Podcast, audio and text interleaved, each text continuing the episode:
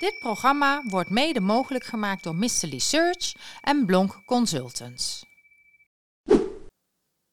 Marcel, Frits. heel hartelijk uh, welkom bij deze aflevering van Denkers en Doeners. Uh, we hebben je uitgenodigd om uh, ons het een en ander te vertellen over de CO2-markt en jullie rol daarin. Laten we beginnen uh, eerst even kort met een introductie van jouw persoon. Marcel Spaas. Uh, hoe oud ben je, Marcel? Uh, 57 alweer. 57. Nou, ben je in mijn ogen nog een jonkie, dus dat scheelt. Ehm, wat heb je gestudeerd? Ik heb in Wageningen gestudeerd. Ja. Watershed management noemen ze dat. Wat dat? inrichten van natuurlijk stroomgebieden. Waar eigenlijk het hele people, planet, profit denken zeg maar in zit. Uh, maar uiteindelijk in de bosbouw terechtgekomen. Duurzame bosbouw, uh, dat was het doel. Uh, maar ik heb uiteindelijk zes jaar in commerciële houtkap gezeten. Vanuit, vanuit Wageningen, zeg maar. Ja. Maar wel met een visie van jongens, ik kan bij Greenpeace gaan werken en roepen dat het niet goed gaat. Of ik ga in de shit zitten en kijken waarom, waarom dingen niet werken zoals ik denk dat ze zouden kunnen werken. Je zit alweer een tijd bij het Fair Climate Fund. Uh, negen jaar, als ik het wel heb? Negen jaar, ja, klopt. Ja. Uh, in 2014 uh, aangemonsterd. En daar met eigenlijk, omdat ze een, club is die uiteindelijk bezig is met een, een, een, een commodity, met een product, de CO2, de carbon credit. waarmee je lokaal heel veel impact kan creëren. wij werken met een visie, met een ontwikkelingsvisie. En we gebruiken uiteindelijk, waar ook CO2 in gereduceerd wordt, komen we daar op hoe dat werkt. Maar eh, wat uiteindelijk ten gunste komt van de lokale communities. En in welke zin? Maak het eens heel concreet. Wat, wat doen jullie in die lokale communities? En dan hebben we het over communities in Afrika, in Azië, Latijns-Amerika. Zijn ja, jullie actief? Ja, we zitten op drie continenten. Ja, wat doen jullie dan? Nou, um, eigenlijk het specialisme van Fair Climate Funds is echt het clean cooking, hè, efficiënte koekstoofs. Uh, met een visie van, er zijn momenteel nog steeds 2,8 miljard mensen op deze aardkloot die elke ochtend, middag en avond, als ze geluk hebben, hun potje koken op open vuur. Hè. Dat is uh, voor veel mensen niet, uh, niet te begrijpen. 2,8 miljard mensen. Ja, dat is bijna een derde van de wereldbevolking. Ja, ongelooflijk. Dus uh, nou, dat heeft een negatieve impact op zowel gezondheid, uh, veiligheid uh, en uiteindelijk ook op de omgeving waar mensen wonen. Ja, want er is enorm veel brandhout wat er doorheen gaat. Ehm, nou, uiteindelijk door het gebruik van efficiënte koekstoofs of het overgaan naar biogasinstallaties op een andere manier koken, dat kan veel efficiënter. Uh, en daar raken we al die componenten van, uh, van die veiligheid, van die uh, efficiëntie, minder CO2 de lucht in en minder brandhout. En gezondheids... en gezondheidsverhaal. Ja. ja, dat is natuurlijk ook ongelooflijk belangrijk. Oké, okay, en nou, dat, daar hebben jullie projecten op lopen. hoe zet je dat nu om in klinkende munt, om het maar eens heel simpel te zeggen? Ja, dat is simpel en het is inderdaad gewoon een uh, goede manier van kijken. Want uiteindelijk gaat het, uh, CO2 is voor ons eigenlijk een valuta, zeg maar, waarmee we uiteindelijk onze projecten financieren. Ja, dus, dus, uh, maar heel concreet, in de koffieketen in Ethiopië hebben we een groot project ontwikkeld.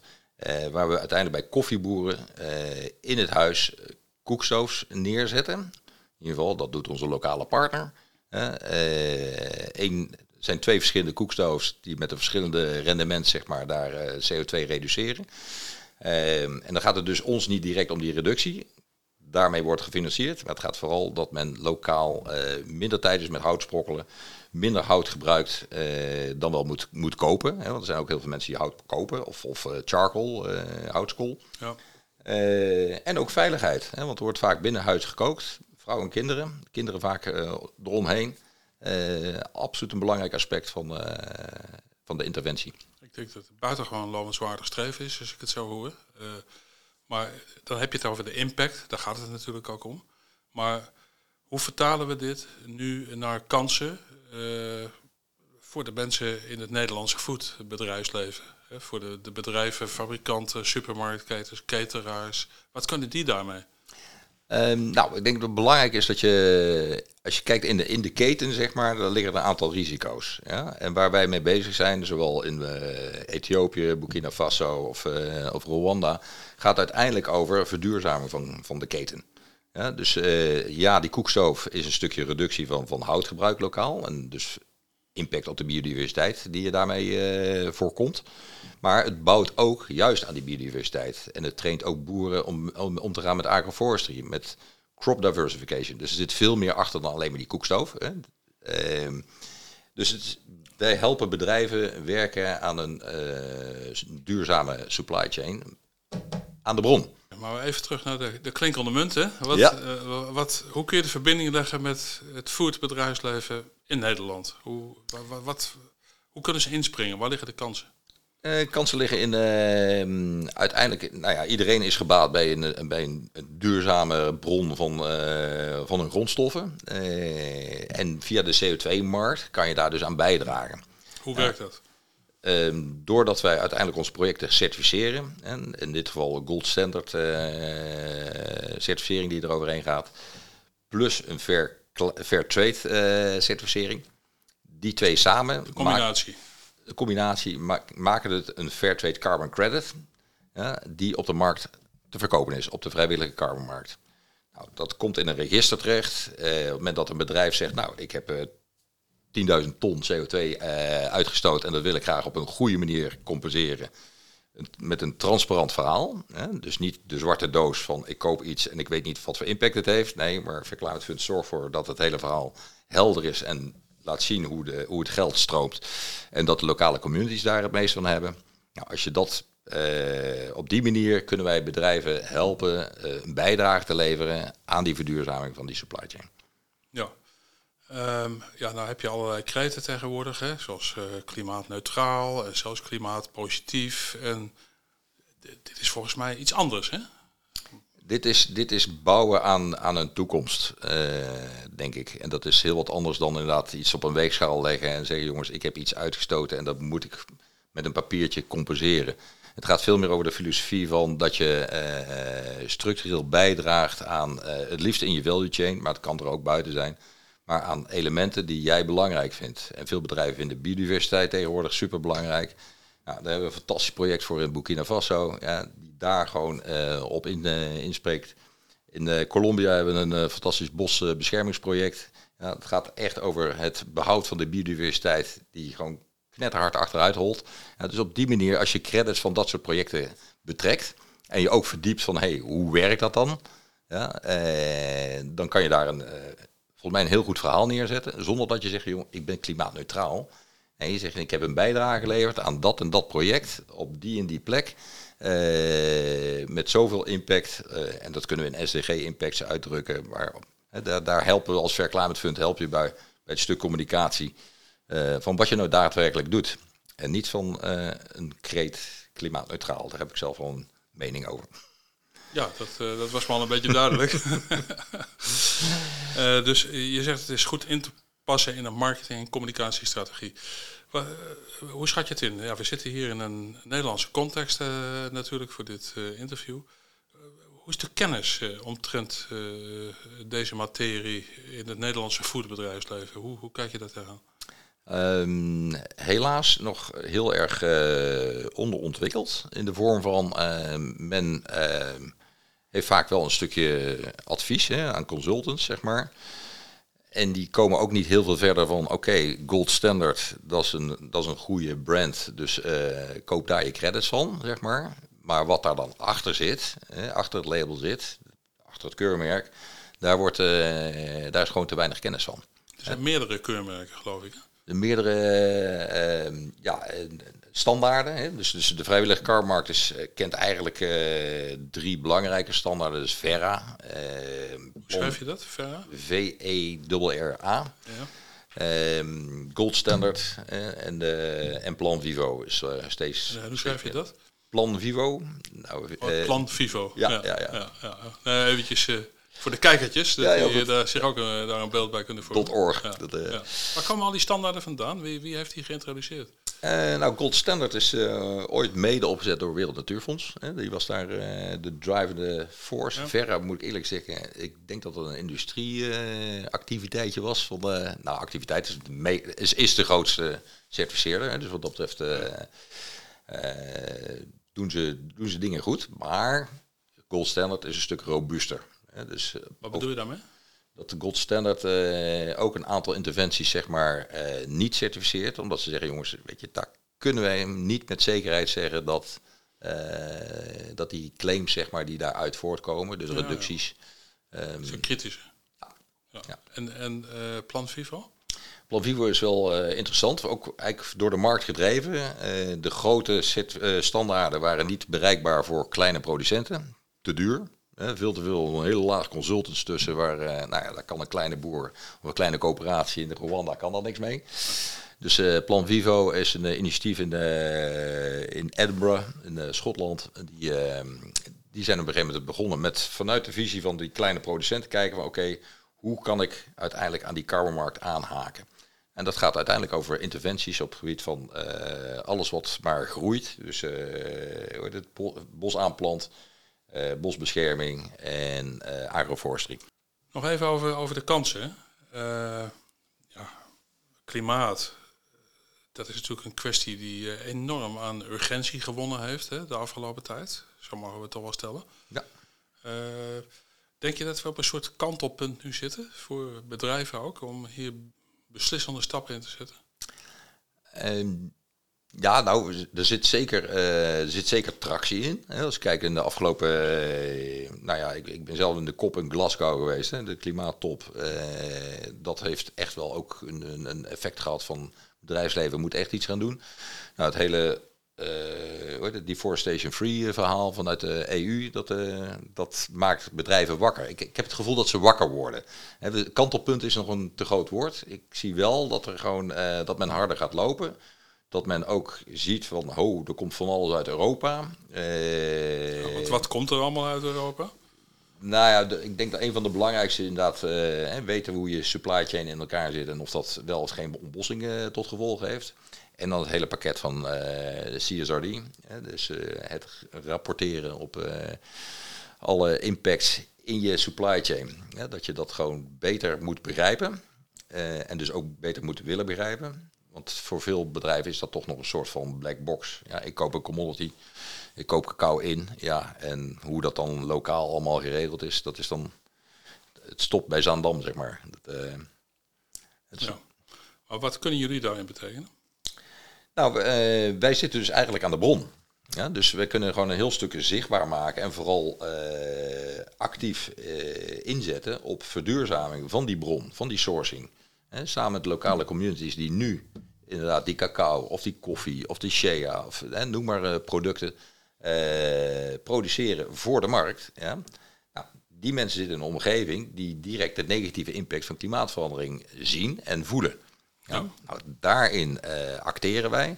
Uh, dus we kunnen uiteindelijk ook gewoon een stuk van, uh, van de risico's meehelpen afwentelen. Ja, en dus kansen creëren voor zowel aan deze kant van de plas, voor de bedrijven die sourcen, maar vooral, en dat is onze core business, is gewoon die communities een, een goed product laten produceren waar ze iets aan verdienen. Ja, hoe ziet jullie governance eruit? Jullie zijn voortgekomen uit ICO, hè? Ja. ontwikkelingsorganisatie. En hoe ziet het er nu uit? Wat, uh... Nou, ICO is uh, twee jaar geleden overgenomen door Cordate. Ook daar vind je in mergers plaats. Ja, ja. Dus het kan wel, hè? Kan wel. Het kan wel. en soms is het ook noodzakelijk. Maar, ehm, dus wij, uit, onze aandeelhouder is, is Cordate. we zijn zelf een zelfstandige BV, een social venture zoals het heet. Twaalfkoppige bemanning. en daarin, wij, wij draaien onze eigen hoe noem dat? Eh, we hebben onze eigen financiële verantwoording die, die uiteindelijk bij Coordate wordt neergelegd. Ehm, bij ons is het uh, uiteindelijk gewoon dat impact lokaal, dat is zeg maar onze core business. En alles wat we aan projectgelden binnenkrijgen, wordt uiteindelijk in projecten omgezet. En uh, wij pakken daar een marge van om onze eigen bedrijfsvoering te kunnen. Ja. Krijgen jullie ook funding bijvoorbeeld van het, uh, de postcode loterij? Of? We hebben net een project afgerond, Burkina Faso. Uh, Birds, Bees and Business. Uh, gaat heel erg over landschapsherstel. Hè, waar die karité, waar die shea, waar we het net even over hadden, uh, wordt geproduceerd. Nou, dat is, en, en dat is voor een groot, groot deel gefinancierd door de Postcode Loterij. Wel, welke supply chains zijn jullie actief in? Shea noem je, koffie. Koffie, dat zijn eigenlijk de, de twee belangrijke. Ik ben momenteel uh, onderzoek aan het doen in Laos naar de tapioca-keten, om daar uh, actief in te zijn. Um, gedreven door een klantvraag. Hè. We hebben een klant die al langere termijn werken aan een strategie. die sourcen in, in, in Laos. Hoe mooi is dan als je inderdaad gewoon jouw klimaatgeld, wat je toch moet gaan investeren, laat toekomen aan de, aan de boeren die jouw producten produceren. Stel nou, ik heb een supermarkt en uh, ja, ik wil aan mijn klanten vertellen dat ik heel goed uh, bezig ben op dit uh, gebied. Samenwerking met jullie in projecten. -hmm. Hoe kan ik dat nou tastbaar maken voor mijn consumenten? Ja, weet je, ik, ik denk ehm, ja, er zijn zoveel producten waar, waar je iets moois van kan maken. En pak alleen het, uh, het fruitschap al. Hè, van, uh, als, als je kijkt wat er overzees komt. Uh, dat zijn allemaal producten die zich lenen om uiteindelijk in een, in een project, dus waar, daar waar gesourced wordt, om daar ook projecten te ontwikkelen. Hè? En, dus op het moment dat je gewoon de, nou, bananen blijft altijd een mooi voorbeeld, maar het kan ook de avocado zijn of de mango. Ehm, uiteindelijk komt dat van producenten, van kleine boeren die op een gegeven moment een, eh, product maken. Of je hebt natuurlijk ook de grote farms, daar moet je even mee kijken hoe. Uh, maar je kan natuurlijk heel goed instappen. kan, we kunnen samen aan tafel zitten en uh, ik denk in twee uur tijd kunnen wij gewoon de, de drie grote prioriteiten neerzetten van jongens, waar liggen kansen voor een supermarkt om aan zo'n project bij te dragen.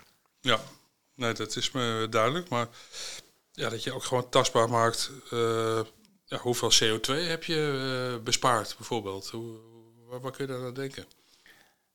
Uh, je bedoelt qua, want, want ja, veel mensen weten niet, hè, dat is een, en ik denk ook heel veel mensen in, in supermarkten, die hebben nog niet het gevoel van, jongens, al die producten die hier liggen, die hebben allemaal een CO2-component. Nee, maar CO2-labeling dan bijvoorbeeld op producten, is dat een idee? Ik denk dat het goed is om, om inzicht te geven. Uh, ik weet niet of een consument daar nou een, een, echt een keuze in maakt. Want weet je, uiteindelijk op productniveau is het allemaal zo weinig verschil. Uh, dus dat, dat, dat is niet een onderscheid. Het is wel goed om mensen te, te uh, educatie te geven van jongens, wat, wat houdt dat nou in, zo'n product? Van, wat is een komkommer nou vergeleken bij een pot pindakaas bij wijze van spreken? En dat men ieder geval weet van, hé, hey, wacht even, het is niet zo de verpakking. Eh, het is vaak het product zelf wat de CO2-component heeft. Eh, ja, mensen denken vaak aan de verpakking natuurlijk. Hè. Er is ook heel veel in het nieuws. Eh, Logisch, want dat is tastbaar. Ja, ja, En het CO2 is, en dat, dat is ook, eh, dat is ook het probleem van, van onze markt. Het, is, het zijn uiteindelijk papieren briefjes die, die verschuiven, bij wijze van spreken. Het is niet, je kan het niet pakken. Maar als je, als je het op de kassabon zou uh, afdrukken, zou dat een idee zijn? Het is uh, heel makkelijk. En ik zou graag, eh, als er een supermarkt luistert, zou ik dat graag samen eh, voor elkaar boksen. Eh, de ideeën, de plannen liggen er. we kunnen het zo uitrollen. En dan heb je uiteindelijk, en even, even om iemand een idee te geven, als je een supermarkt gemiddeld 50 euro uitgeeft, dan kom je uiteindelijk op een soort van compensatiebedrag met eerlijke prijs voor de credits. Dan kom je rond de 50 cent uit voor compensatie van je winkelkarretje. dus in die verhouding zit, uh, ligt, ligt de compensatiegelden. Maar belangrijk, wil ik hier wel even noemen. Uh, want aan de ene kant, onze business is natuurlijk uh, zorgen dat je uiteindelijk via compensatie projecten financiert. Maar het gaat uiteindelijk om reductie hier. Het klimaatprobleem is dusdanig groot. Echt, de urgentie is, en dat weten veel mensen, hebben het nog steeds niet door, maar de urgentie is zo groot. we hebben echt, echt maar nog geen twintig jaar, sterker nog, elke dag is er problematiek rond de klimaatverandering. Uh, maar we moeten nu acteren en we moeten hier reduceren. We moeten echt ons huis op orde krijgen. ik denk dat dat wel heel erg benadrukt mag worden en moet worden. Uh, en daarnaast je geld slim inzetten en echt financiering vrijmaken om bij te dragen. we kunnen niet alleen maar weer de vruchten plukken. Nee, we moeten geven. Ja, dat is, uh, voor veel mensen is dat lastig omdenken, maar dat is wel iets waar we naartoe moeten. Ja. Nou, dat lijkt me een uh, uitstekend uh, besluit van dit interview. Ik ben weer een stuk wijzer geworden. Ik hoop onze kijkers ook. Ik denk het wel. Heel hartelijk dank Marcel. En, nou, heel veel succes met jullie verdere activiteit. Dank u wel Frits. Dit programma werd mede mogelijk gemaakt door Missely Search en Blonk Consultants.